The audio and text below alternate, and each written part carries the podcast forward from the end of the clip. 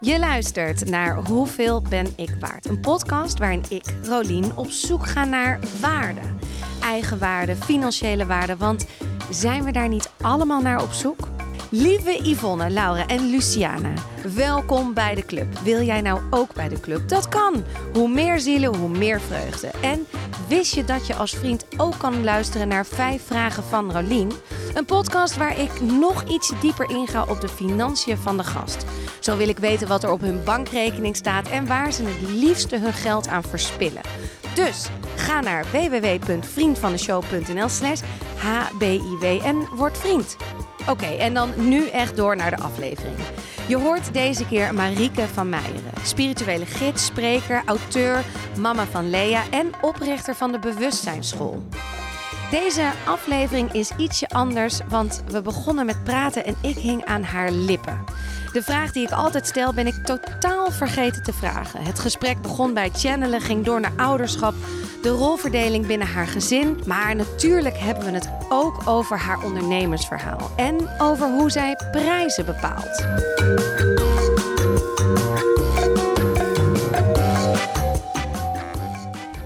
Ja, want hoe, hoe nog even, hoe kwam jij dan hier? Want jij hebt denk ik een assistent die voor jou af en toe dingen regelt. Ja. Om, om even daar out there te zijn. Ja.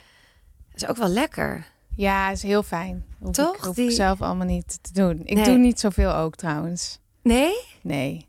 Je werkt niet zoveel bedoel je? Of ik je... werk denk ik misschien als ik alle uurtjes bij elkaar schaap, misschien net een dag in de week. Oh, dit is toch waar mijn podcast over gaat. Dit is toch zo interessant hoe, hoe je dat hebt gecreëerd voor jezelf. Ja. Ik Ja. moet even kijken hoor, met Ja. mijn stoel nog even. De, ga maar lekker, lekker klooien. Soms, hij kan ook omhoog inderdaad. Oh ja, nee, maar meer een beetje zo dichterbij hoor. Ja, Dat die microfoon, want ik neem aan dat ik er goed in moet praten. ja, lekker. Oké. Oké. Oké. Vind, je dit, vind je dit leuk of lastig om te doen? Opnames, podcastopnames? Nee, ja, lichter, lichter, lichter, lichter aan. Ik heb er geen... Hmm, Of spannend? Of... Nee. Maar daar, daar tik je dan ook wel weer gelijk. Want er zit dan een Marieke met een podcast. En meestal gaat er ook nog ergens een soort... En dan ga ik channelen, zo heet dat. Hè? Een soort old-fashioned hippie taal. Ik zeg altijd, of wij gebruiken een hele andere term daarvoor. Dan ga ik aan of free-flowing talk. En ik stem me altijd af. Dus eh, voorwerk of dat soort dingen vind ik nooit prettig. Ik vind dat prettig om iemand aan te kijken. En dan krijg ik daar gevoel bij. En dan eh, krijg ik daar informatie van. En dan, en dan heb ik een gesprek. Maar gaat dat zo snel? Dat, dat Ja. aanstaan, channelen? Ja? Ja, moeiteloos. Hoe, hoe heb je dat? We beginnen deze aflevering totaal anders dan normaal. Maar ik wil wel even weten, hoe heb je dat geleerd? Of hoe heb je dat ontwikkeld? Niet, ja, niet in eerste instantie niet bewust. En, eh, en toen, ja, ik heb mijn hele leven, zolang ik me, niet kan, anders kan herinneren, ehm, contact gehad met een onzichtbare wereld. Dus uit mijn lichaam gaan, helder zien, helder voelen, filmpjes zien van mensen, hun leven of andere levens, of noem en eigenlijk een heel multidimensionaal, heel rijk leven, maar ook overweldigend. En, ehm, en hoe ik dat zeg maar nu aan en uitzet of hoe ik daar is eigenlijk is echt de, eh, ehm, het moment dat ik zelf mijn allereerste les ging geven voor de bewustzijnsschool. Nou, dat is zes jaar geleden, vijf jaar geleden. Vijf, zes jaar, vijf, jaar geleden. En ehm, ik merkte, dat was, dat staat ook in mijn, in mijn boek trouwens. Dat is, de, dat is dat de manager zegt, joh Marieke, we moeten een lezing geven. En dat ik zeg, joh, dat is een goed idee, want we moesten traffic hebben naar de bewustzijnsschool. En ik, ik ben gewoon de ondernemer eh, van de bewustzijnsschool. Ik heb altijd, al, altijd ondernemingen gehad. En ehm, het is natuurlijk, het is een hele spirituele school en een hele nuchtere school.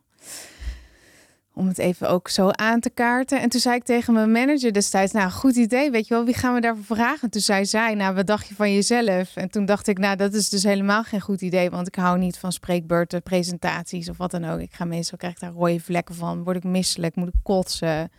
Nou, ik ga daar heel, helemaal, helemaal oud op. En toen heb ik nog wel gezegd van, nou oké, nou dan doen we dat dan maar. En toen binnen, ik denk binnen een paar dagen waren alle tickets verkocht. 100 mensen. En toen dacht ik echt, nou. En toen had ik nog nooit een publiekelijk, publiekelijk iets gedaan. Maar blijkbaar vonden mensen dat wel een goed idee. Ja. En toen uh, liep ik die ruimte binnen bij de bewustzijnsschool. Het was een hele grote zaal, was van 150 vierkante meter, super hoog. Echt een soort, nou, het was echt heaven was dat. En ik weet nog wel dat ik precies, ik wilde dat iedereen rustig op de grond zat, op meditatiekussen in een cirkel. En dan zat ik ergens ook gewoon in de cirkel. En dat is de eerste keer dat ik dat echt ervaren heb als een bewuste omschakeling naar het intappen van een hogere bewustzijnsvorm.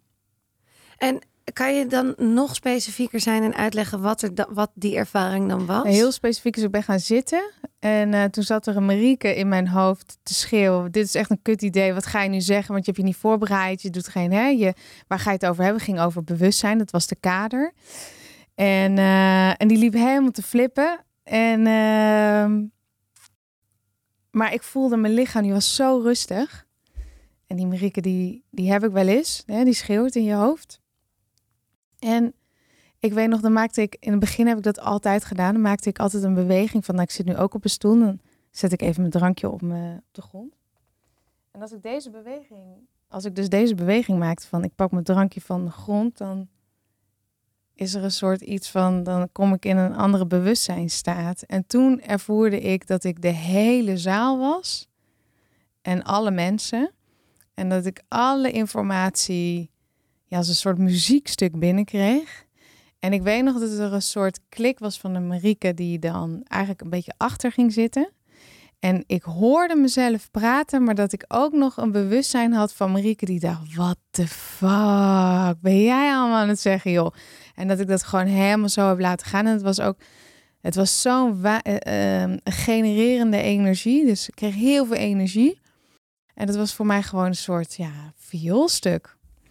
En, uh, en het snee ook hout. Ik weet ook nooit, als ik klaar ben, wat ik gezegd heb of hoe het geweest is. Ik kan ook nooit wat naproduceren. En, uh, en uh, daarna ben ik echt nog wel vol van de energie. En dan moet ik even koelen, afkoelen. En, uh, en dan en, en dan, en dan, hè, dan neem ik gewoon mijn vorm van Marika aan, om het even zo te zeggen. Ja, de, degene die gewoon de boodschappen doet. En, uh, ja, die ja. moeder is, ja. die uh, eigenaar is, die uh, ja. lekker in de moestuin werkt, die van hout hakken houdt, weet je wel, dat. Ja. Maar dus er zit ook wel een enorme... en, zo, en zo is ook de bewustzijnsschool ontstaan. En zo is, zijn alle, eigenlijk alle dingen die ik onderneem, die komen uit dat kader, om het even zo te zeggen. Ja. En het is gewoon een, hè, om het nog platter en praktischer te maken voor het publiek, is je kan je afstemmen als een radiochannel of een wifi-channel. Nou ja, jij zendt uit, ik zend uit en ik hoef alleen maar een beetje zo op mijn knop te draaien. En dan heb ik, uh, heb ik jou in mijn radar en dan krijg ik gewoon informatie. En zo, zo simpel werkt dat. Ja, zo simpel, maar ook zo magisch. Toch? Ik bedoel, magisch. Ik, voor mij, ik kan nul channelen. Ja ik denk je dat channelt de hele dag, ook jij. Ja, weet ik. Maar toch heb ik ergens natuurlijk bedacht dat ik dat niet kan. Heb ik er overtuigingen op zitten? Ja. Vind ik er van alles van? Ik ook. Ja, dus doe ik het niet. Ja. Doodeng. Nee, maar je, dat is het hem nou juist. Wij en ook de luisteraar, jij channelt ook de hele dag.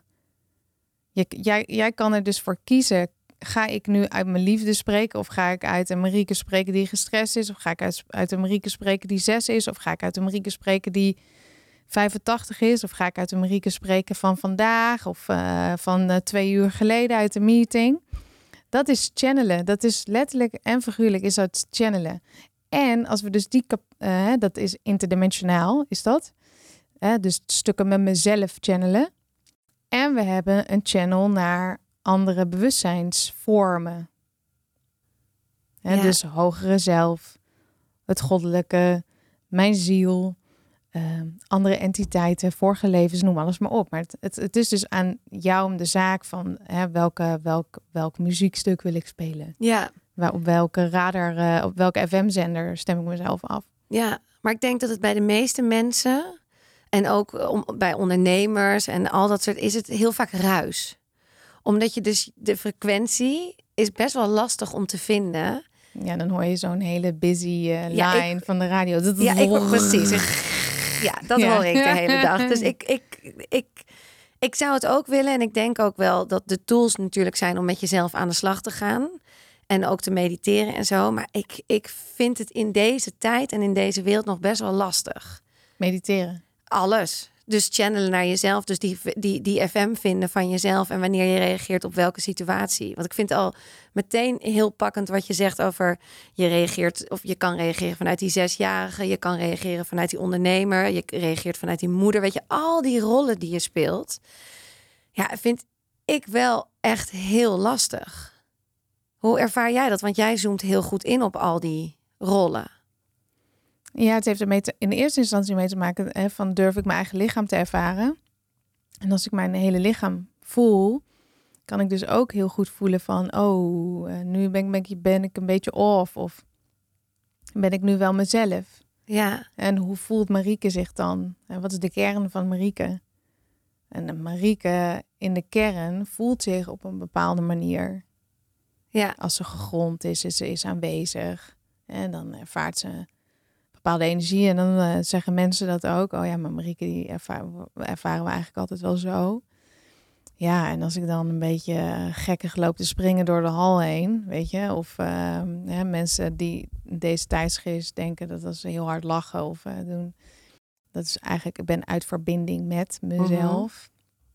Ja, dan kan je al wel heel snel zien van, oh, wacht even, weet je, ik ben eruit, hoe kom ik er weer in? ja.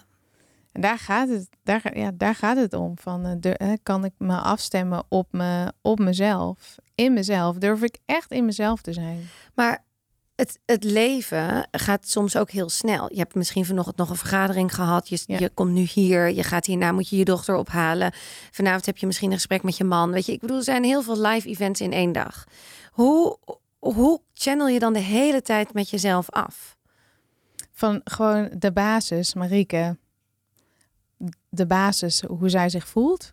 Of hoe ik me voel. Ja, En, en dat is gewoon het vertrekpunt. ja, En, en eh, daar, ik hoef niet bij een moederrol of bij mijn vriendrol of bij mijn meeting, hoef ik niet anders te zijn. nee, Ik I show up as myself. ja, En ik hoef nergens, niet op een podium of niet hier aan de tafel of met eh, bootje varen of met mensen die ik tegenkom of met mijn vriendinnen, wordt er nooit en ten nimmer aan mij gevraagd of ik anders wil voorkomen dan mezelf. nee, dat snap ik. Nou, gelukkig maar. Ik, dat Want verwacht ik ook niet, maar ik bedoel maar meer... dan anders zou het voelen als en wat je zegt, oh, maar vanavond heb ik mijn vriend en ik heb net een meeting gehad en ja. hoe, hoe verhoud ik me daar dan mee? Maar de verhouding is dus, ik doe, ja, Ja, nee, ik, ik zou het ook raar vinden als er van je wordt verwacht of dat, dat je een andere rol hebt. Maar je hebt wel eens dat energieën anders zijn. anders dat is ook ja. channelen. Dus daar moet je dus wel.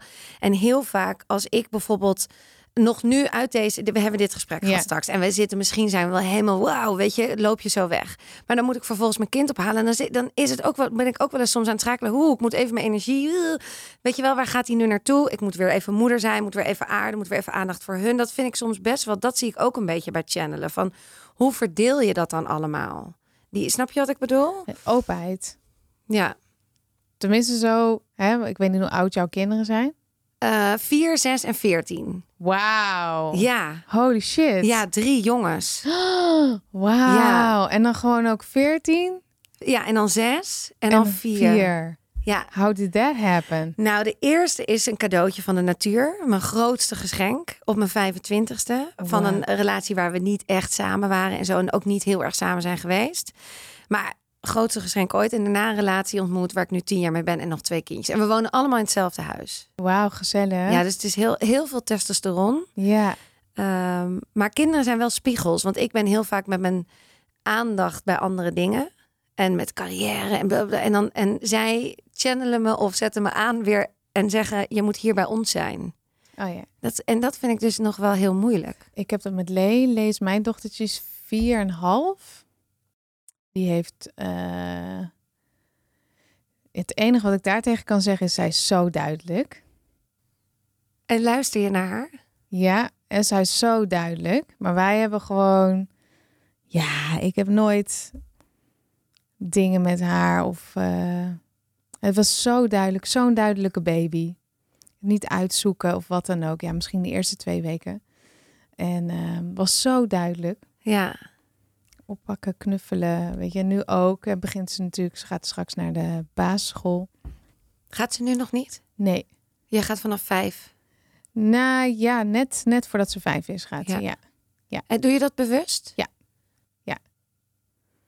Waarom? Ehm, omdat ik het niet, omdat ik, ik, het hele schoolsysteem van, van de kinderen, dat is het meest oudste, logste Cognitiefste, ja. en het off-dated systeem wat er is. En dat wij onze kinderen nog steeds daar naartoe brengen. En staardelingen laten leren. Terwijl, mijn god, heb jij ooit staardelingen toegepast? Ik weet nog dat ik acht ben, dat ik zeg, joh, maar wanneer ga ik dit dan gebruiken? Nee, maar de, dat, dat, dit ga je echt nodig hebben later. ja, Ja, met wat dan? breuken en Breuken, Pythagoras. Pythagoras, Ja, weet je wel? ja. Ik bedoel, uh, when, when did it Ja. happen? Didn't happen with me. Nee. Ja, en, en dus dat, het is het meeste. Hè, de, de- en dan moet je ook kijken van wa- waarom is er een school ontstaan? En de school is ontstaan in de tijd van de industrialisatie. Ja. Om kinderen klaar te stomen om te werken in fabrieken. Dat is school. Dat is de oorsprong van school. Ja, Je doet er niet aan mee. ik, eh, ik ben nu bezig met een kinderschool. In ieder geval zakelijk adviseur, om dat ook een beetje zakelijk te houden. Zakelijk adviseur. En eh, van een heel nieuw initiatief. Heel erg in de natuur. Midden in de natuur. Leren van ambachtslieden. Ja, die van ons zitten op een reguliere school. Ik heb zelf vrije school gedaan. Maar ik vind van alle scholen iets. Ja, Ik vind het heel lastig. Ik vind de vrije school ook niet helemaal van deze tijd. Dat vind ik ook een beetje terug naar de jaren zeventig. Dat ik denk, eh, de bezem staat in de hoek en we vliegen met z'n allen naar weg. Wat heel leuk kan zijn, maar we Ja. leven ook in deze tijd. Dus het... De, ja is de omarming een van technologie. eh, ook, ja, ja. daar hou ik ook van. Ja. Ik bedoel, ik vind dat ook. Ik, ik vind het ook ergens onzin om te zeggen: je mag nooit op een iPad of zo. Of je mag Ja. nooit. Dat, dat, dat voelt voor mij ook raar. ja. En dat vind ik ook. Daar ben ik ook niet. Ik ben niet tegen die dingen. Dus ik. Nee. eh, maar ik ben wel tegen het doseren en tegen natuurlijk de basis. Dat wat de vrije school heeft, dat hart, handen, hoofd. Ja. Dat, daar geloof ik helemaal in. Eerst het hart, dan de handen die kriebelen. En dan ineens wil dat hoofd van alles gaan leren. ja. Dus ja, dat, dat. Maar het is lastig. Nou, dus jij houdt er nog thuis ja. om haar eigen. Zij, zij leert dus van jou nu gewoon nog de eerste waarde van het leven. Ja, Eigenlijk. samen met mijn vriend. Ja, Dus mijn vriend en ik hebben eigenlijk vanaf dat ze geboren is, hebben we het gewoon gesplit, waar eh, evenredig. En ehm, ik moet heel eerlijk zeggen, ik heb de eerste twee jaar bijna niet gewerkt. Ben ik echt, eh, ja, eh, denk 90% van de tijd wel thuis geweest. En eh, mijn partner, ja, die, eh, we hebben het gewoon, ja, we hebben gewoon alles evenredig. Evenredig met geld, evenredig met dingen betalen. Gewoon helemaal gewoon de same. en, en want dat vind ik ook heel interessant. En daar gaat de podcast ook steeds meer over. Want inderdaad, hoe verdeel je dat? Nou, bij jullie dus alles, alles. Hoe, hoe vaak hebben jullie die gesprekken met z'n tweeën?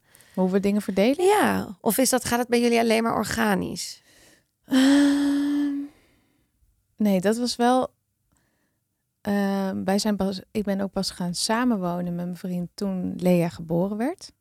En ik heb mijn eigen huis behouden. En daar woon ik. Dus wij hebben ook wel misschien een andere soort relatie. We hebben wel, ik heb wel af en aan vorig jaar wel ehm, twee, drie dagen in de week dat ik dan in mijn eigen huis woonde samen met Lea of zonder Lea. Ja, dus dan ging dan week op, week af. Dus dan had papa eh, lekker drie dagen alleen en de, de week ik, de, de, week daarna ik.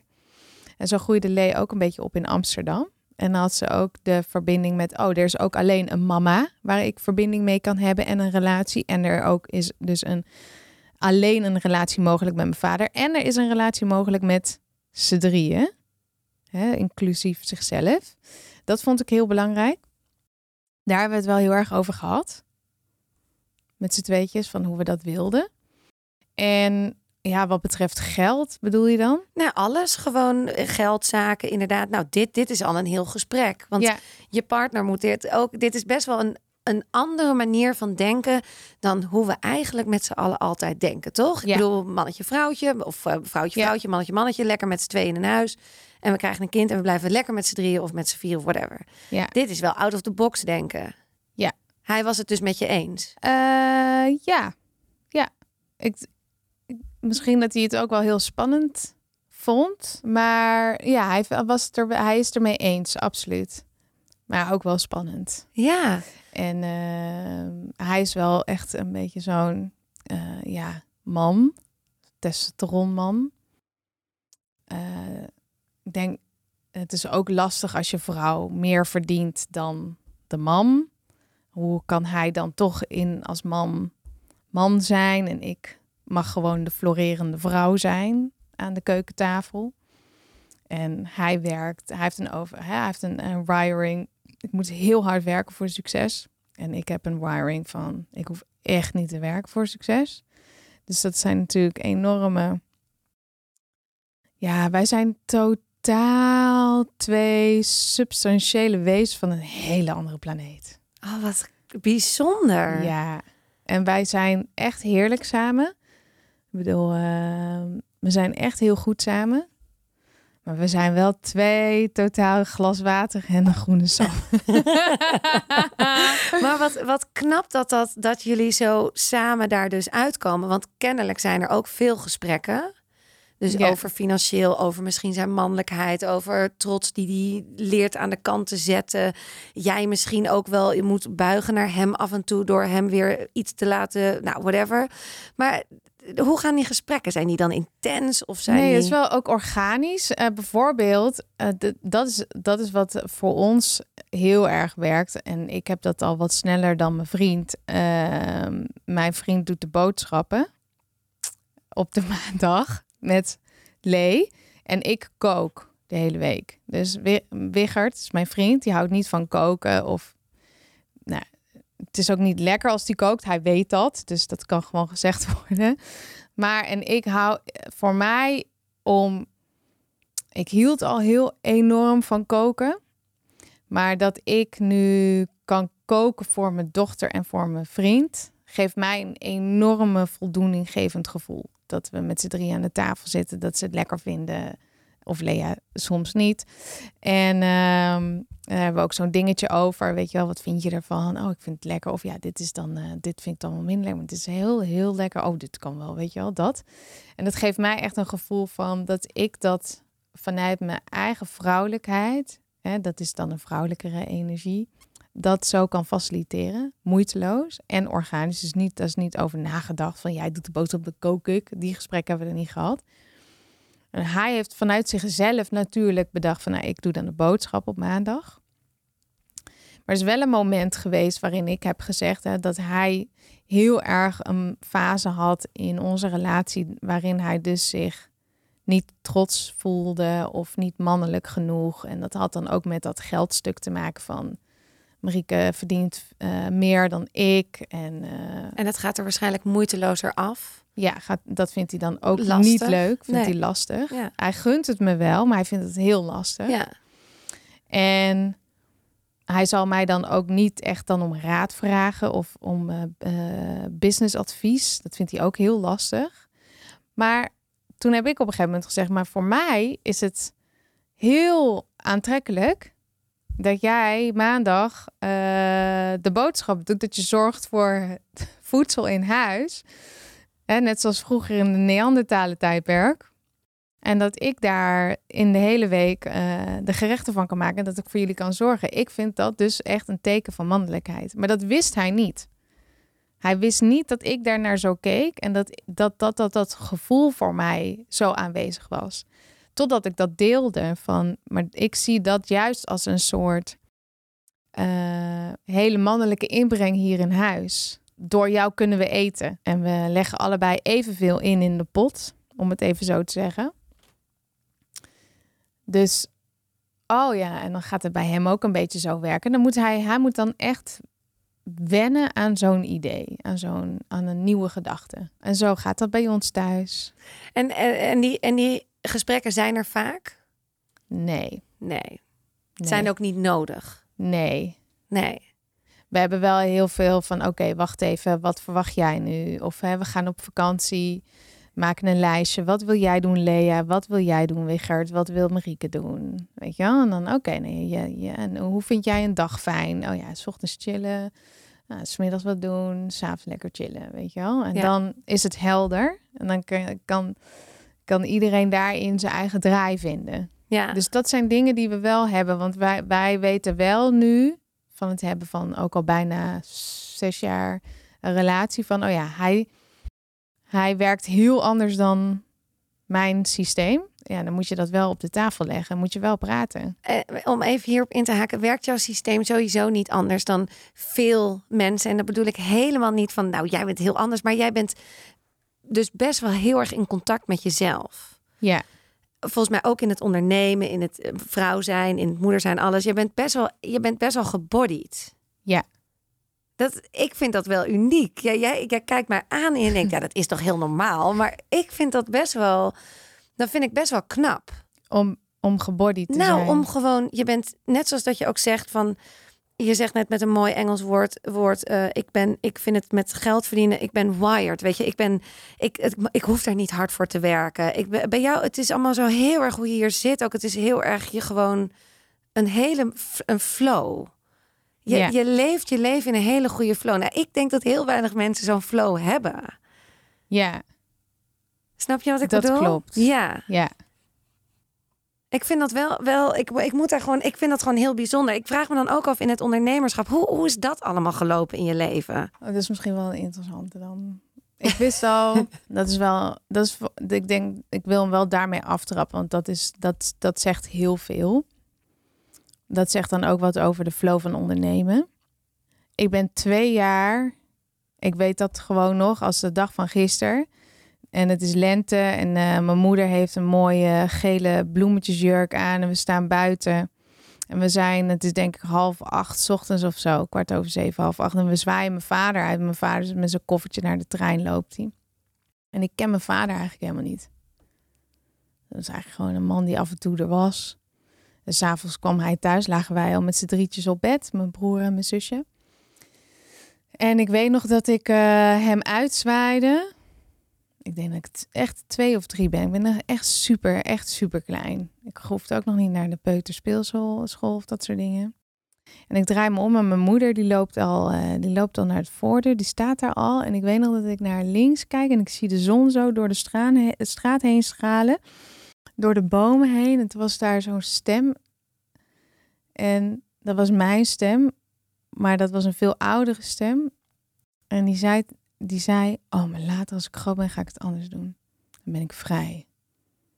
Ik weet nog hoe dat voelde helemaal in mijn lijf. Dat voel ik nu ook. Ik weet, ik weet.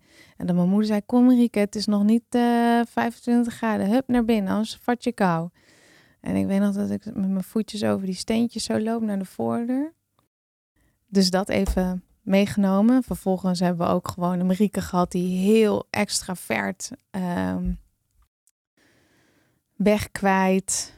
ehm, zichzelf Puber. kwijt, puber. Ja. En in mijn puberjaren, op mijn 16, heb ik een bijna doodervaring gehad. Nou, dat is enorm groot als je zo jong bent. Ehm, ik heb daar iets, ja, dat is weer even, je moet even doorgaan, maar ik heb daar echt, dat eerste stuk van jouw boek heb ik zoveel dingen uitgehaald, ook over eenzaamheid. Ja, Dat is gewoon een concept wat ik heb bedacht. ja, Ik voel me zo vaak eenzaam, maar, Maar het dat is gewoon uit verbinding zijn. ja, Met jezelf, met anderen. ja. Ik, dat was echt een eye-opener. Maar ga door Ja. met je verhaal.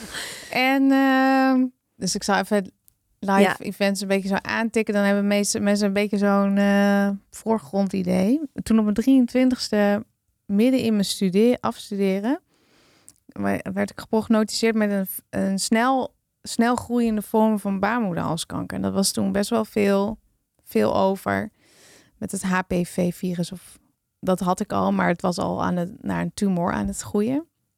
En dat was in mijn baarmoedermond.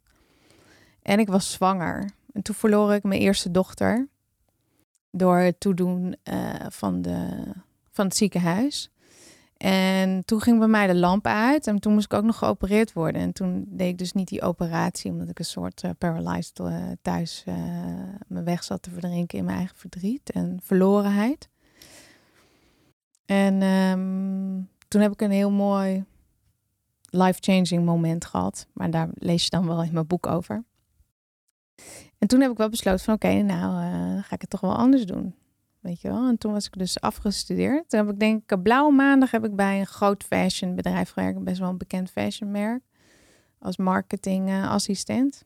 en ik weet nog, ik denk dat ik daar een maandje werkte. En ik keek naar buiten. En uh, toen, toen, zag ik in één keer die herinnering van die tweejarige Marieke met die stem. Oh, later als ik groot ben, ga ik het anders doen. Dat was, nou, dat was gewoon dit. Ja. What the fuck? Maar dat is nu. Shit. Shit.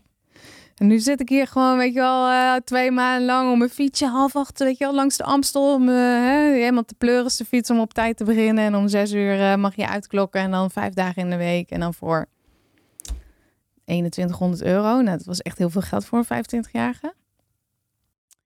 Dacht ik, fuck, nou dan moet ik het nu, dan, dan nu, weet je wel. En toen heb ik echt letterlijk en figuurlijk gewoon mijn baan opgezegd. En uh, ik was toen al heel erg bezig met yoga en ik deed, toen al yoga en uh, mediteren en dat soort dingen. En toen dacht ik, uh, oké, waar ga ik nu geld mee, verdienen? Makkelijk ben altijd heel creatief, heel visueel. Logisch als je helderziend bent. En uh, toen dacht ik, nou fuck it, ik ben heel lang fotomodel geweest. Ik ga gewoon uh, portfolio schieten voor beginnende modellen. Een dingetje gedaan op Facebook. Bam, 90 klanten. Nou. En toen ben ik gewoon maar begonnen. En dat, heb ik, dat bedrijf is Shoot My Portfolio geweest. Dat heb ik zes jaar gehad. En dat is uitgegroeid tot gewoon een ontzettend groot, goed fotoshootingbedrijf midden hier in Amsterdam. We zaten aan het Vondelpark. En we werkten, we werkten daar met z'n zessen. En, uh, en toen begon ik al wel van, hmm, dat is best wel veel voor mijn systeem om uh, twaalf mensen op een dag te fotograferen. Ik ga ook niet meer vier dagen in de week fotograferen ik denk dat mijn systeem meestal gewoon maar vier mensen op een dag kan. En dan twee keer in de week vind ik wel genoeg. Nou, toen kwamen er gewoon andere fotografen die gingen het werk doen. Dus, hè, dus het ging eigenlijk hè, op afstemming van oké, dit helemaal uitgeput op de bank, weet je wel, de eerste half jaar. Maar toen op een, toen kreeg ik eigenlijk twee jaar nadat ik dat bedrijf had, kreeg ik een ander idee voor een ander bedrijf. Dat was een tech startup. Daar heb ik, had ik allemaal investeringen voor binnengehaald. Wat is een tech startup? Dat is uh, um, zoals Facebook, een alliteratie. Oh, ja. En ik had een alliteratie gekregen, een soort formule. En dat was, uh, het was super cool. Dat was even een notendop. Uh, met één klik op de knop kon je je Facebook-foto's in een, in een tijdschrift um, zinken. En ook op de cover. Je kon het hele tijdschrift helemaal vullen met uh, persoonlijke anekdotes en shit. Maar je kon ook uh, personalized advertenties erin laten zetten. En dan kon je dan als een cadeautje. En toen werd ik eigenlijk. we gingen we, na het weekend gingen we live. En vrijdag werd ik wakker en ik werd gewoon niet goed. Ik had gewoon stress, anxiety all over. Ik kon bijna niet meer praten. Ik denk, joh, ik wil, ik wil dit helemaal niet, weet je wel. Ik wil het eigenlijk helemaal niet doen. Voelt helemaal niet goed als ik dit de rest van de, de aankomende vijf of tien jaar moet doen, weet je, om überhaupt die investeringen terug te verdienen. En toen heb ik daar, ben ik daar uitgegaan. Toen heb ik het verkocht aan de investeerders.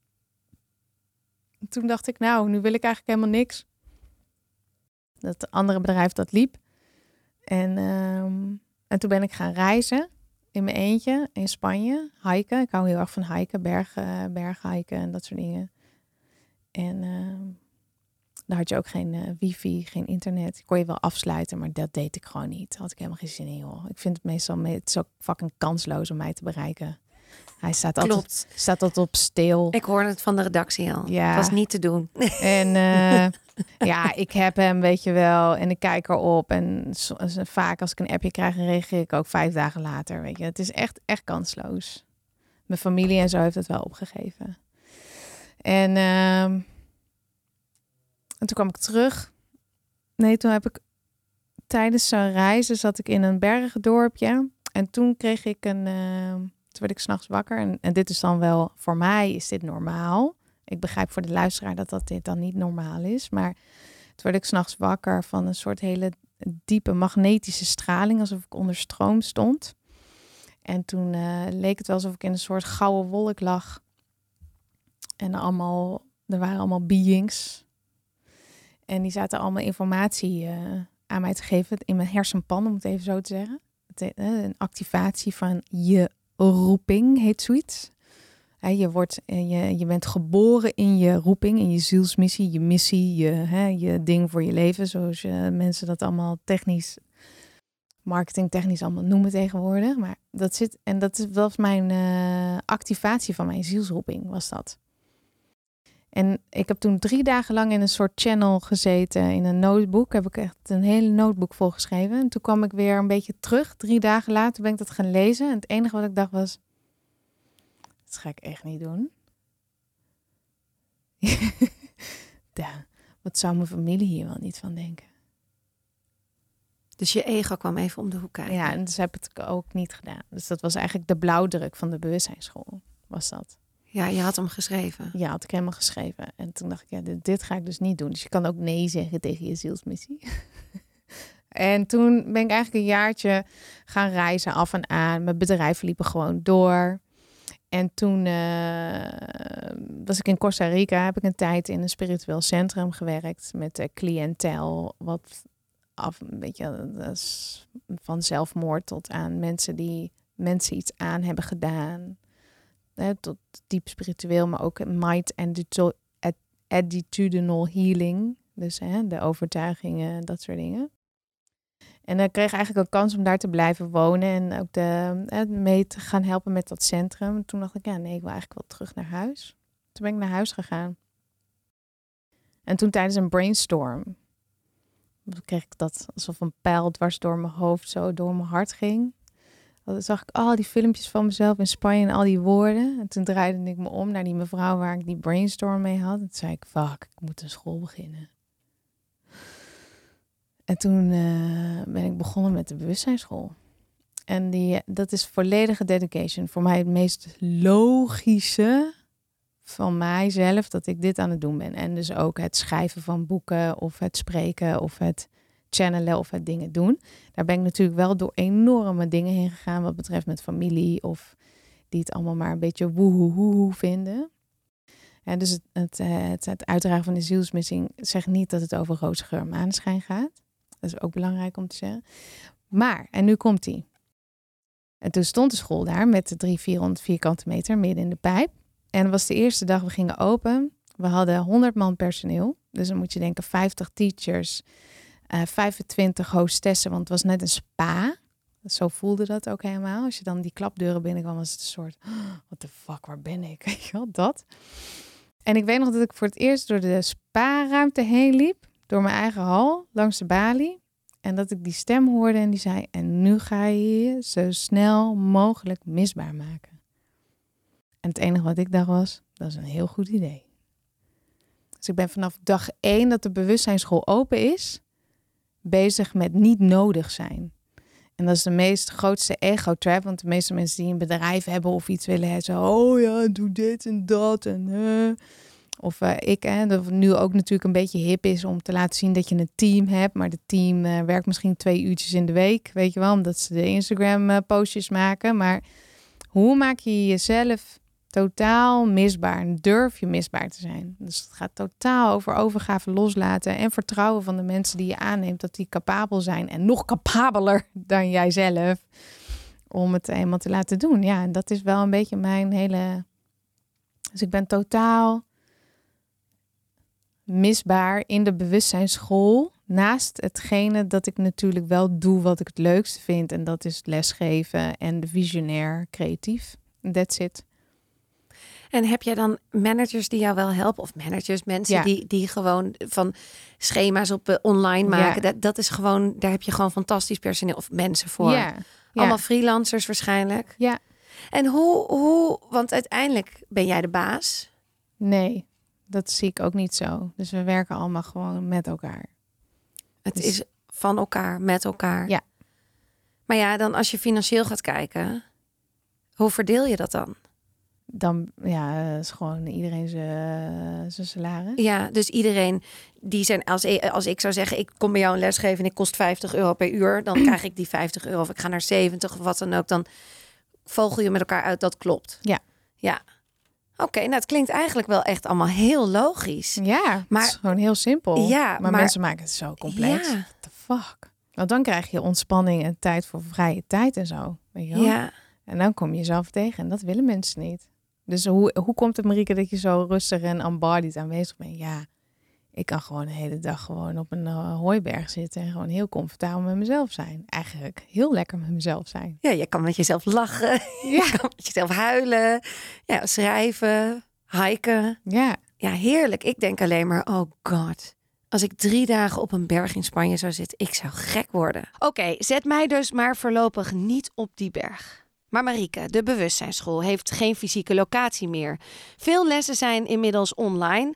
Maar als je nou wel een fysieke les hebt, hoeveel mensen komen er dan eigenlijk? Misschien 100, 200, 300 mensen op af. Wat ga je dan doen? Hoe ziet zo'n live event bij jou eruit? En dan doe ik dus een talk, een free-flowing talk. En dan ehm, kunnen daarna mensen, als ze willen, een vraag stellen. En daarna doe ik een TR, dus een transcendente reis. Goede trip, om het even zo te zeggen. En dat faciliteer ik. En dat vinden mensen helemaal... Natuurlijk te gek, geweldig, hè? want- Ja. Dan ervaar je eigenlijk... eh, je ervaart... De meeste mensen wat ze in de algemene zin ervaren is het licht, de liefde of het, hè, de, de eenheid, de heelheid van zichzelf. En dat is zo'n life-changing event. ja. Dus En eventjes om te hebben over prijzen.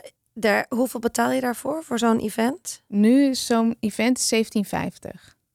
Dat is niks. Nee, maar dat is twee uurtjes is dat. Jawel, maar er worden voor events 100 euro gevraagd. Ja, dat begrijp ik. Eh, waar baseer jij je prijs op? Dit is nu gewoon omdat ik nu bezig ben met een tour door Nederland. En ik naar Friesland, Groningen, Maastricht, eh, België, Zeeland. En ik ga daar precies hetzelfde doen.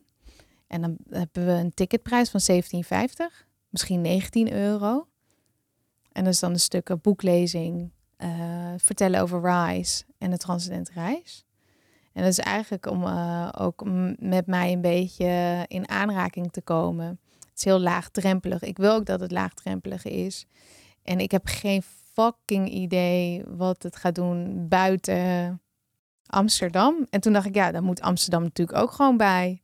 Ja. Ik kan niet, niet iets niet doen hier in mijn stad waar ik gewoon begonnen ben en mijn hele dingen heb. Ja. Dus daar komt eigenlijk de prijsstelling van Daan, ge, geëikt op de boektour. Maar als ik events geef zelf, die ik dus niet geef. Ik heb dit jaar het enige wat ik gegeven heb live is een, eh, een eendaagse. En daar wordt dan 300 euro voor betaald. Kleine 300 euro. En dan heb je dan van 10 tot 5. Met een uur, anderhalf uur pauze ertussen. Ja, dus daar zijn de bedragen, bedra- de bedragen wat pittiger. Ja. Maar dat is een hele dag. Ja. Ga je die nog veel doen?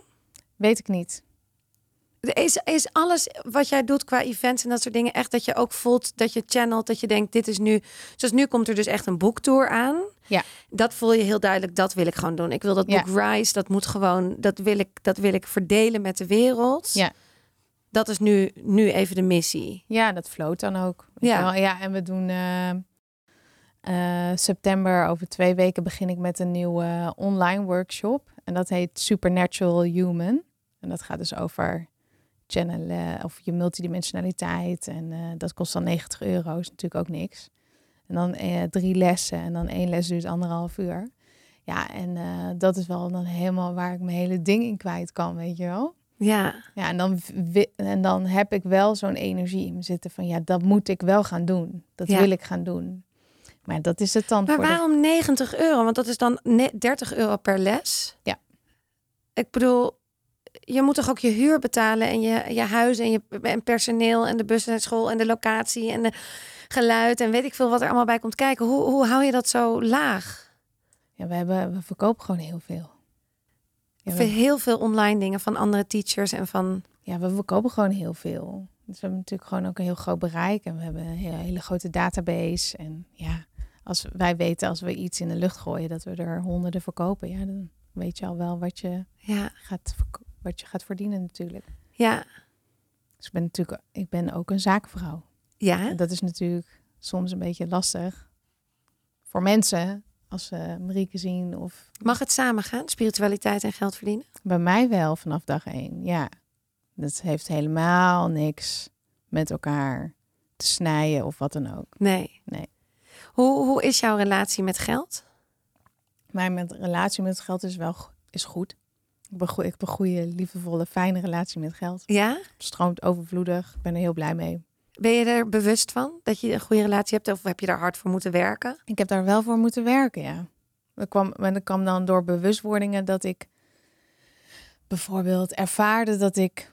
eh, misschien vinden, vinden luisteraars dat ook wel een goede oefening. Ik merkte op een gegeven moment dat het met boodschappen doen... dat ik stress kreeg als ik mijn pinpas tegen het ding deed. En dat ik een gedachte altijd had van... staat er nog wel geld op? Terwijl ik nog nooit had meegemaakt dat ik niet mijn boodschappen kon betalen. Dacht ik, waar gaat dit dan over? Waarom heb ik dit gevoel en waarom denk ik dat eigenlijk? En waar komt dat gevoel dan vandaan? En toen ben ik me dat zelf, ga, zelf gaan re- rewiren. Dus eh, elke keer als ik ging pinnen, dacht ik, oh, ik heb zoveel. Dat komt uit de gaten van de muren. Weet je wel, dat. Ehm, die, dat is er eentje. Ik heb vroeger met modellenwerk veel geld verdiend. Maar dat ging er dan ook gelijk weer uit. Dus het hebben van veel geld vond ik heel lastig. Dat, dat, dat letterlijk en figuurlijk, dat gooide ik gewoon over de balk heen. Ja, om het maar niet te houden. Want Oh, je kon maar- er dus niet voor zorgen. Nee. Ik was, dus, hè, ik, ik was het dus niet waard. Het moest ook weg. En dat is, eh, er kwam, dat is nog een enorme les geweest met het, eerste, he- het hebben van het eerste bedrijf. Dat ik daar op een gegeven moment veel meer ging verdienen. En bedoel, in het eerste jaar niet. Het tweede jaar begon het een beetje. En het derde jaar dat ik echt dacht, wow, weet je wel, wat moet ik met al dat geld?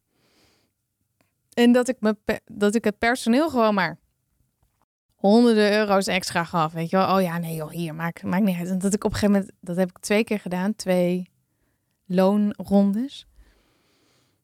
En dat ik op een gegeven moment dacht, wat doe ik in hem? What the fuck? Ja, Toen dacht ik, oh, maar ik mag het gewoon houden. Het is, Ja, het is ook voor mij. het mag er zijn. Het mag Ja. er gewoon helemaal zijn. En dus toen, eh, dat zijn wel momenten geweest die voor mij significant iets gedaan hebben. En bijvoorbeeld de gedachte van, eh, nou, ja, ik kan bezig zijn met 1750, maar het kan ook 1750 zijn. ja. Of het kan gewoon, eh, hè, dus het sluiten van deals of het sluiten van andere prijzen. Maar de prijzen bij de bewustzijnsschool moeten wel altijd goed voelen. Hoorde je dat? Ja. Lijkt net een muis. Ja, dat was een soort, Nee, ze zitten hier aan de muur. Te, volgens mij zitten ze zitten iets te doen. ja. Maar, ga, maar ja, ga door. Ehm, dus het moet goed voelen. Dus we Ja. doen het intuïtief, de prijzen stellen. Ja, precies. Dus dat is ook iets wat gewoon vanuit binnen komt. En de ene keer is het wat duurder dan de andere keer. Ja. En, maar volgens mij, ik hoor wel een beetje terugkomen dat toegankelijkheid voor jou wel belangrijk is. Dat het, dat het voor sommige mensen, voor misschien ook wel voor meerdere mensen, wel echt toegankelijk is. Ja, ik denk, ik denk ook de afweging hè, van we hebben vorige, we vorige maand een eh, product gehad wat 140 euro was. Ja. En dan nu doen we iets van 90 euro. Dan heb ik iets van 1750. Dan heb ik eh, aan het einde van het jaar gaan we of, of, januari gaan we iets nieuws doen. Dat is dan 1800 euro. Ja. Ja, weet je. Ja, en misschien, ja, nee, heerlijk. Het klinkt heel fijn als je er gewoon zo lekker mee kan spelen ook. Zo. En uitzoeken wat waar werkt en voor wat, ja. Ehm, ik wil nog heel graag ook weten, eh, je, je zielsmissie hoor ik je over. Ja. Dat is iets wat ook tegenwoordig, je, waar ik ook al mijn hele leven naar op zoek ben. Wat ik nu wel steeds meer voel dat ik gevonden heb. Maar zielsmissie klinkt ook, ik vind het ook een soort van hype. Zo van, ja, je moet je zielsmissie vinden. Daar wil ik een beetje naartoe eigenlijk. Van, ja, je, maar los. ja, we moeten allemaal onze. We zien het op Instagram. Weet je, je ziet het ook manifesteren, overvloed. Je moet je chakra's moeten we allemaal reinigen. We moeten kristallen door het hele huis. We mediteren, yoga totdat je erbij neervalt. Ik bedoel, om die zielsmissie maar te vinden. Journalen. Ik soms dan krijg ik er helemaal soms benauwd van. Van Oh, hoe, hoeveel moet ik doen voordat ik mijn zielsmissie kan vinden? Herken je daar iets in? Dat het ook een soort rare aparte hype is? Ja, ik, ik sta aan de andere kant. Mijn vriend staat aan die kant die jij net noemt. Ik sta aan de andere kant van de linie. Mensen, als ze mij horen, vinden ze het echt kut, wat ik zo meteen ga zeggen. Maar dat is mijn diepe weten, is dat. Dus dat is jammer dat Osho jou dat nooit verteld heeft. Nou, nee. Maar het is een, hey, het is een, ik noem het de spiritual fashion. Ja. Het is spiritual fashion om bezig te zijn met eh, manifesteren. Totdat je een goud ei legt zelf, Ja, tot ook het vinden van je zielsmissie. En het is zo'n en passen. ja, Wij vermarkten of wij, het, ik zou zoiets nooit, nooit en te nimmer zeggen, vertellen of verkopen. En dat heeft één reden. En de enige reden die ik kan vertellen is, is ik ben God zelf niet die bepaalt wanneer mijn zielsmissie aangaat. Dan denk je, wat de fuck zegt die chick nou? Toen ik geboren werd als Marieke van Meijeren, zat er in mijn ziel al verweven wanneer mijn zielsmissie aangaat en wat dat is. Nou, die verweving is helemaal door mijn lichaam heen gegaan. Dat is mijn ziel. Die, die zit helemaal door mijn lichaam heen, door mijn bloed, door mijn DNA. Zit, zit, zit er helemaal. Maar Marieke kan daar helemaal niks op zeggen wanneer die zielsmissie nou aangaat. Want dat is al bepaald door God zelf, waar wij allemaal uit gekomen zijn. En dat is mijn weten. Daar heb je geen invloed op. Dus je kan wel een soort tijdspanne hebben. Hè? Wat de meeste mensen doen is je bezighouden met lijstjes. Wat vind je leuk? Wat maakt je gelukkig? Wat vind je niet leuk? Waar krijg je negatieve energie van? Allemaal van dat soort gedoe. Maar dan hebben we nog een andere missie. En dat de missie heet gewoon leven. Ik leef mijn leven als de steeds verdieperende vorm van Marieke van Meijeren. Dat ik mijzelf elke dag maar dieper mag verwoorden en mag bewandelen hier op aarde. Dat ik de liefde die er in mij woont steeds meer mag verdiepen en mag doorgeven. Dat is het leven. Punt. Dat is de grootste missie die er is. En dat jij eh, straks een bakkerij gaat openen of dat jij eh, je schoenen schoenmaker gaat worden of dat je bij een callcentrum gaat eh, werken voor oudere mensen. Weet je, dat is een uitwerking van dat ene. ja, Maar wat jouw specifieke zielsmissie is en wanneer dat aangaat, dat ligt helemaal buiten jouw macht om. En dat is juist de en passen waar deze hele spirituele gekte helemaal de weg is verloren. Je kan je missie niet vinden. De missie heb jij al gekozen toen je besloot om te gaan reïncarneren of te kiezen voor het lichaam die jij hebt uitgekozen. Dus jij hebt al gekozen. Dus het staat al tegen draads tegen het feit van "Oh, ik heb al gekozen, maar ik weet het niet meer, weet je wel? Het Nee. is wel dat je het niet meer weet. Dat klopt. Je weet het niet meer. Nee, maar we, ik voel ook, ik voel altijd heel vaak dat ik hem zo graag wil vinden. Ja, Dat ik zo graag wil connecten. verder weg. Ja, Dus als we iets, zo graag iets willen, dan gaan we er alleen maar verder weg van staan. We staan er zo ver weg van. Het gaat er eigenlijk om van, oh ja, wie ben ik? Nou, wat ben ik? En wat? Dat wat is hè, mijn bewustzijn en mijn ziel. Daar, hè, daar, dat is eigenlijk alles, alles wat ik ben. ja. En hoe is mijn relatie daarmee? En kan ik dat eens verdiepen en vergroten? En kan ik daar eens meer aandacht naar hè, brengen? ja. En hoe je dat doet, ja, ik heb ook geen kristallen in mijn bedkamer, in mijn slaapkamer. En ik doe ook geen yoga. En eh, mensen hebben misschien een beeld van mij dat ik de hele dag zit te mediteren op een meditatiekussen. Dat is ook niet zo. Ik doe een paar keer in de week TR. En ik mediteer 's ochtends en 's avonds. En ik heb een heel bewust moment met dromen als ik 's ochtends wakker word. ja. Maar ehm, weet je wel, hoe voelt het? Hoe voel ik mij? Eh, de ene moment wil ik dansen 's ochtends. En het andere moment eh, zit ik lekker buiten op mijn grasveld naar buiten te kijken. Ja. Maar het is toch knap dat jij het voor jezelf hebt gecreëerd. Ik voel daar wel een soort jaloezie naar jou toe. Ik heb het niet gecreëerd God vroeg aan mij of ik op ging staan. Dat is heel iets anders. Ik heb ook een hele nederige houding. Het is niet dat ik eh, dit gecreëerd heb. Ik heb mezelf beschikbaar gesteld voor het moment dat het aanging bij mij. En ik heb daarin tegen gezegd, ja, dat is goed. Maar een heel groot gedeelte van Marieke wilde dat niet. Het heeft ook heel veel gekost voor Marieke. Heel veel door, door heel veel eh, dingen heen. Door De trauma's heen. ja, door, de, door... be- de bewustzijnsschool openen of praten hoe ik doe of wat dan ook. Dat, eh, ja, weet je wel, dat heeft een relatie met mijn tweelingzus gekost. Gaat nu goed. Het heeft een relatie met mijn broer gekost. Het heeft een relatie ontwricht met mijn ouders. Ehm, meer met mijn moeder dan met mijn vader. Wat nu wel weer goed gaat. Hè? Dat zijn hele verbindingen die helemaal opnieuw gelegd moeten worden. Omdat jij eh, hè, wordt wie je in wezen bent, om het even zo te zeggen. Ja, Ja, weet je. En als je dat dan vertelt en dat... Grappig, ja, want ik denk nu meteen, oké, nou laat maar zitten. Ja. Ik weet niet of ik dan eh, zin heb in die zielsmissie. Ja, laat dan maar hangen. Ja, zeker. En dat is ook de eerste keer wat ik zei, hè, van oeh, nee. Hè, ik bedoel, heel, heel eerlijk, mijn ouders vonden het al heel zweverig dat ik eh, ging hiken in Spanje zonder een internetbundel. Ja, maar het gekke Of bij dat mij... ik geen eh, nu.nl elke dag eh, open op een app die ik heb. Of teletext kijk. Of eh, dat ik de kranten niet meer lees. Of geen media tot me neem. Want Marieke, hoe kan je dan in de wereld staan? Ja. Nou, ik sta in de wereld. En ik neem tot me wat ik wil tot me nemen. En een heel bunch of bullshit. I'm gonna Skip. skip. Ja, En als je de bullshit skip en ook niet zo oneindig op je Instagram loopt te scrollen, ben je beschikbaar voor jezelf en ben je beschikbaar voor hetgene wat er door je heen wil komen. En heel veel mensen zijn gewoon niet meer beschikbaar. Nee. We're occupied.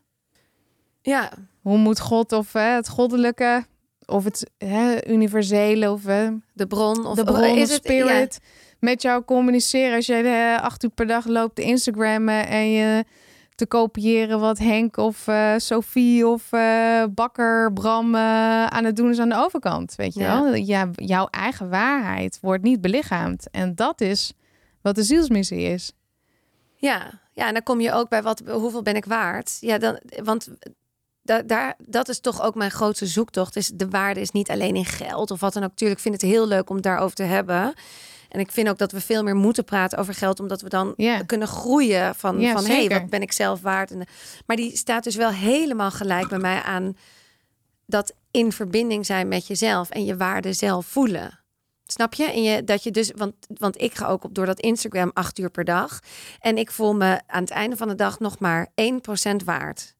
Ja, het is echt het meest absurde Ja wat we het, hebben. is, ja, het is echt heel absurd. En, en, maar dat wou ik nog zeggen. Ik, dat is ook zo raar tussen jou en mij. Ik bedoel, jij, had, jij kwam uit een gezin waar bij wijze, van spreken, bij wijze van spreken spiritualiteit niet echt een plek mocht hebben. Ik kom uit een gezin waar spiritualiteit totaal aanwezig mag zijn. Maar dan heeft het er nog steeds mee te maken. Wordt het belichaamd door de ouders of niet?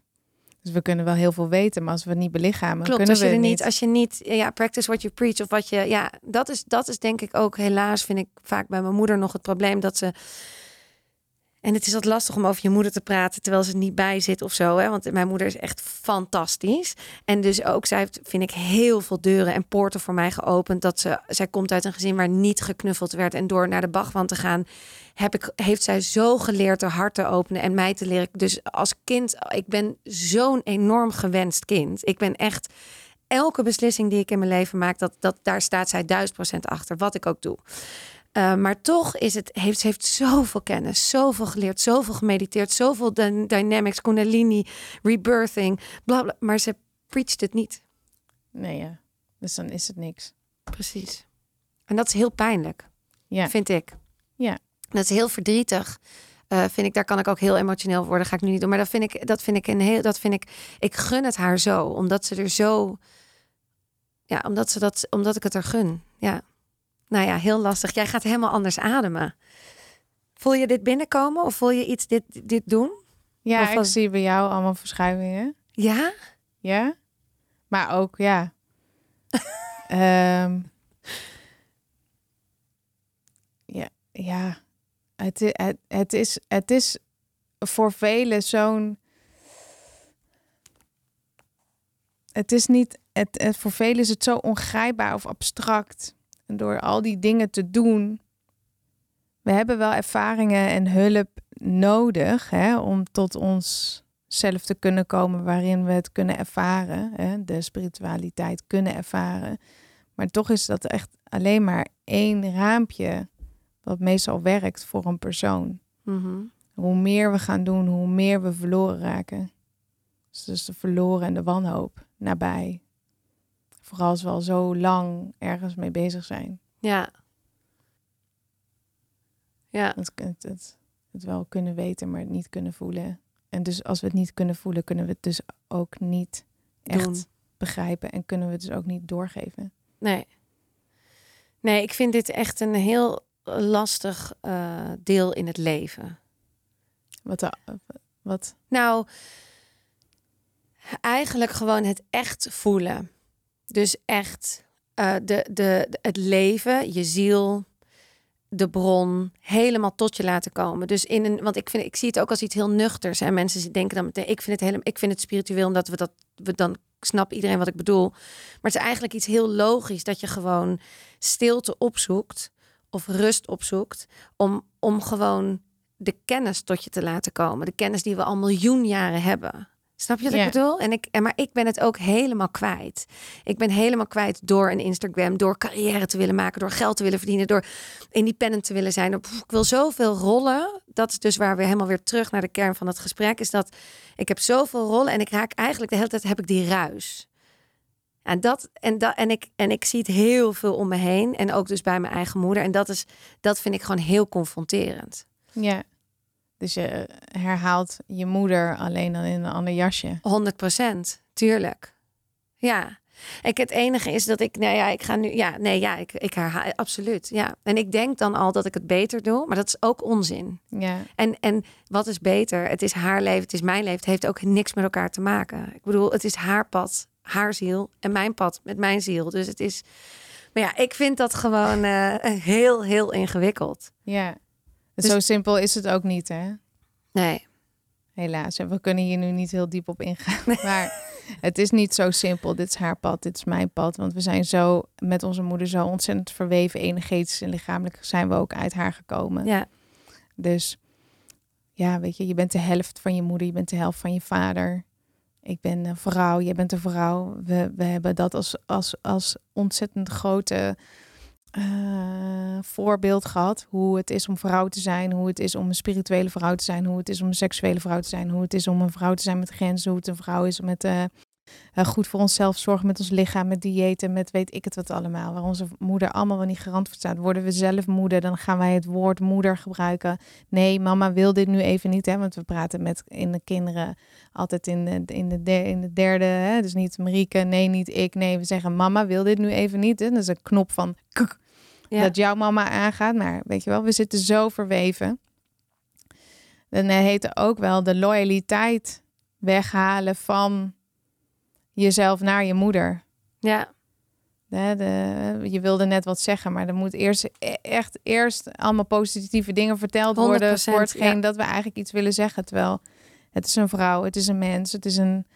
Ze heeft het goed gedaan, ze heeft het slecht gedaan, ze heeft eh, naar haar beste kunnen gehandeld, ze heeft niet naar haar beste kunnen gehandeld, weet je wel. Ze heeft dingen laten vallen, ze heeft echt dingen echt, echt kut gedaan en ze heeft dingen wonderbaarlijk mooi gedaan. Ze heeft het echt, weet je wel. Dan heb Ja. ik in mijn boek heb ik dat ook over mijn oma geschreven en ook over mijn moeder. Mijn moeder die. ehm, ik had echt een rage in mezelf zitten dat ehm, er aan mij nooit gevraagd is eh, in het ziekenhuis of dat ik terugkwam van mijn bijna doodervaring, hoe dat nou eigenlijk voor me was. Of dat mijn moeder daar nou eens even hè, met thee. Of ik had daar helemaal dingen over. Hoe, hoe, zou dat, hoe was het voor je? Nooit, weet je wel. Maar mijn, mijn moeder heeft gedaan hoe zij de liefde liet stromen naar mij. Alleen ik kon op dat moment, of had ik gewoon andere liefde nodig. In Ja. plaats van praktisch pyjama's. eh, zorgen dat er goed geopereerd werd. Zorgen dat er goede zorg was. Goede, goede begeleiding als ik thuis zou komen. Goede re- revalidatie. Goede, weet je wel. Dat, Ja. En dat is mijn moeder. ja, En, en mijn moeder heeft dat zo gedaan. ja. En emotioneel, ja, niet. En nu ben ik zelf mama. Ja, pff, wow, ik begrijp dat wel. Oh, jezus, hé. Van een dochter Dat ook. is van je fucking nachtmerrie, hè? Dat je Ja. een telefoontje krijgt dat je dochter helemaal naar de kloot is onder een lantaarnpaal. En dat, je, dat ze zich omdraait. En het enige wat je weet is, zij gaat gewoon dood. Ja. Weet je wel? Ik moet er niet aan. Ik zou gewoon flauw vallen. Ik, zou, ik, heb, ik heb dus ook alle respect en liefde voor mijn moeder. Maar er zit hier ook een Marieke. En die, heeft echt, die had echt een groot gat. Die heeft echt heel veel gemist. Ja, En dat is de eerlijkheid. ja, Maar heb ik die van mijn moeder nu nodig? Nee. Ik heb dat niet van mijn moeder nu nodig. Ik heb hem mezelf gegeven door middel van het schrijven van mijn boek. Om open te breken. Om over dingen te praten waar niet over gepraat wordt. Over hè, wat ook spirituele hype is van eh, heel veel grote spirituele mensen. Om te vertellen van eh, ik heb ook een bijna doodervaring gehad met, uh, met een meditatie of dat soort dingen. Ja, ga, ga maar eens mediteren als je lichaam helemaal uit elkaar gescheurd is en je ligt op de intensive care. Voor mij is dat zo lastig om te horen. Ja. Ik, ja, als ik ga liggen en ik ga mediteren, heb ik echt geen bijna doodervaring. Ja, zeker wel met TR op een gegeven moment, weet je wel, dat wel ja, want... Dat je een zielservaring hebt en dat het gewoon je hersenpan te boven gaat. Dat is uiteindelijk waar de BDE naartoe gaat. Maar je moet het eerste aardse stuk doorheen gaan. Dat je lichaam helemaal naar de kloot is. Ja. En dan durven loslaten en dan daar doorheen. En weet, noem alles maar op. Ik bedoel, heb ik van mijn moeder nu daar die troost en uh, warmte voor nodig? Niet meer, dat doe ik nu zelf. Ja. En dat is dus ook die embodiment of die, eh, ik durf, eh, de embodiment van Marieke, ik durf echt bij mezelf te zijn. Omdat ik weet ook hoe het is om in dit lichaam te zitten en dood te gaan. Of wat echt, ik ben met de tach, uh, 50, 80 tegen een lantaarnpaal aangekomen. Ik weet echt wat fysieke pijn is. Ja. En dat is niet om gewoon, maar dat is gewoon hoe het is geweest voor mij, een stuk in mijn leven. En uh, ik durf, ja, ik durf echt in mijn eigen lichaam te zitten. Ja. En heel lang niet, hè? Ook. Hoe, hoe, want je zegt net ook die TR-reizen. Ja. Wat, wat is dat? Dat zijn die, ja, die, die doe je, maar ik weet, kan, kan het gewoon niet uitspreken. transcendente reizen. Die transcendente reizen. Ja. Wat is dat nog? Ja, dat is dat je met een bepaalde techniek kom je in een verhoogde bewustzijnstaat. En omdat je je helemaal zelf uitlijnt met je hart, je mind en je lijf, opent, opent de deur naar je, hè, of de gate naar je ziel. En dan gaat je ziel gaat jou een ervaring geven. Dus dan heb je een relatie, of in ieder geval een handjeklap met je ziel. En dan krijg je dus een ervaring van wow, thuiskomen. Hè? Want uiteindelijk waar de verscheuring bij ons van binnen vandaan komt, is dus dat we, oké, ik ben hier thuis in het aardse verhaal, maar er is dus ook nog een ander verhaal, het spirituele. En als je dat eenmaal ervaren hebt, dan is dat life-changing. Dus dat is iets wat ik dan faciliteer. En, en kan iedereen dat ervaren? Ja. En, en dat is een soort van mediteren? Nee, het is, uh, het, het is uh, soms uh, met breathwork, maar soms ook niet. Als ik al zie dat iedereen wel makkelijker in kan komen. En dan uh, gaat het met mijn begeleiding van mijn stem en met binaural beats of met isotonic toning. En uh, ja, dat eigenlijk. En dat duurt dan een half uur, drie kwartier. En uh, live sessies duren meestal drie kwartier. En dan online soms tussen de 20 of 35 minuten. En je doet het en online en live. Mm -hmm. Dat is ook iets wat ik dus heel graag wil. Dat is dus een goede tool om wel naar binnen te kunnen gaan. Ja, het is dus heel lijfelijk. Dus mensen denken altijd, oh, dan ga ik lekker mijn lichaam verlaten en lekker naar uh, de vijfde hemel. Nee, het is eigenlijk een hele fysieke ervaring. Omdat we zo spiritueel kunnen groeien hoe diep we in ons eigen lichaam zitten. Ja, mooi. Ja. Hey Marieke, ja, ik kan nog wel uren doorgaan, ook over zielsmissies en alles. Maar het is, we zitten alweer anderhalf uur op te nemen. Oké. Okay. Dus ik ga me afsluiten. We hebben het ja. helemaal anders gedaan. Normaal vraag ik altijd hoeveel, wanneer weet je voor het eerst dat ik waard ben. Maar het is bij jou zo gelopen zoals het is. Ja. En het was mooi. Ja, heel erg mooi. Dank je wel. Dank je wel. Dit was hem voor deze week. Heb je iets geleerd of wil je iets met me delen? Dan hoor ik dat natuurlijk graag. Verder vind ik het heel leuk als je een review of sterren achterlaat bij Apple of Spotify. Dan is het voor anderen makkelijker om deze podcast te vinden. Voor nu, tot de volgende!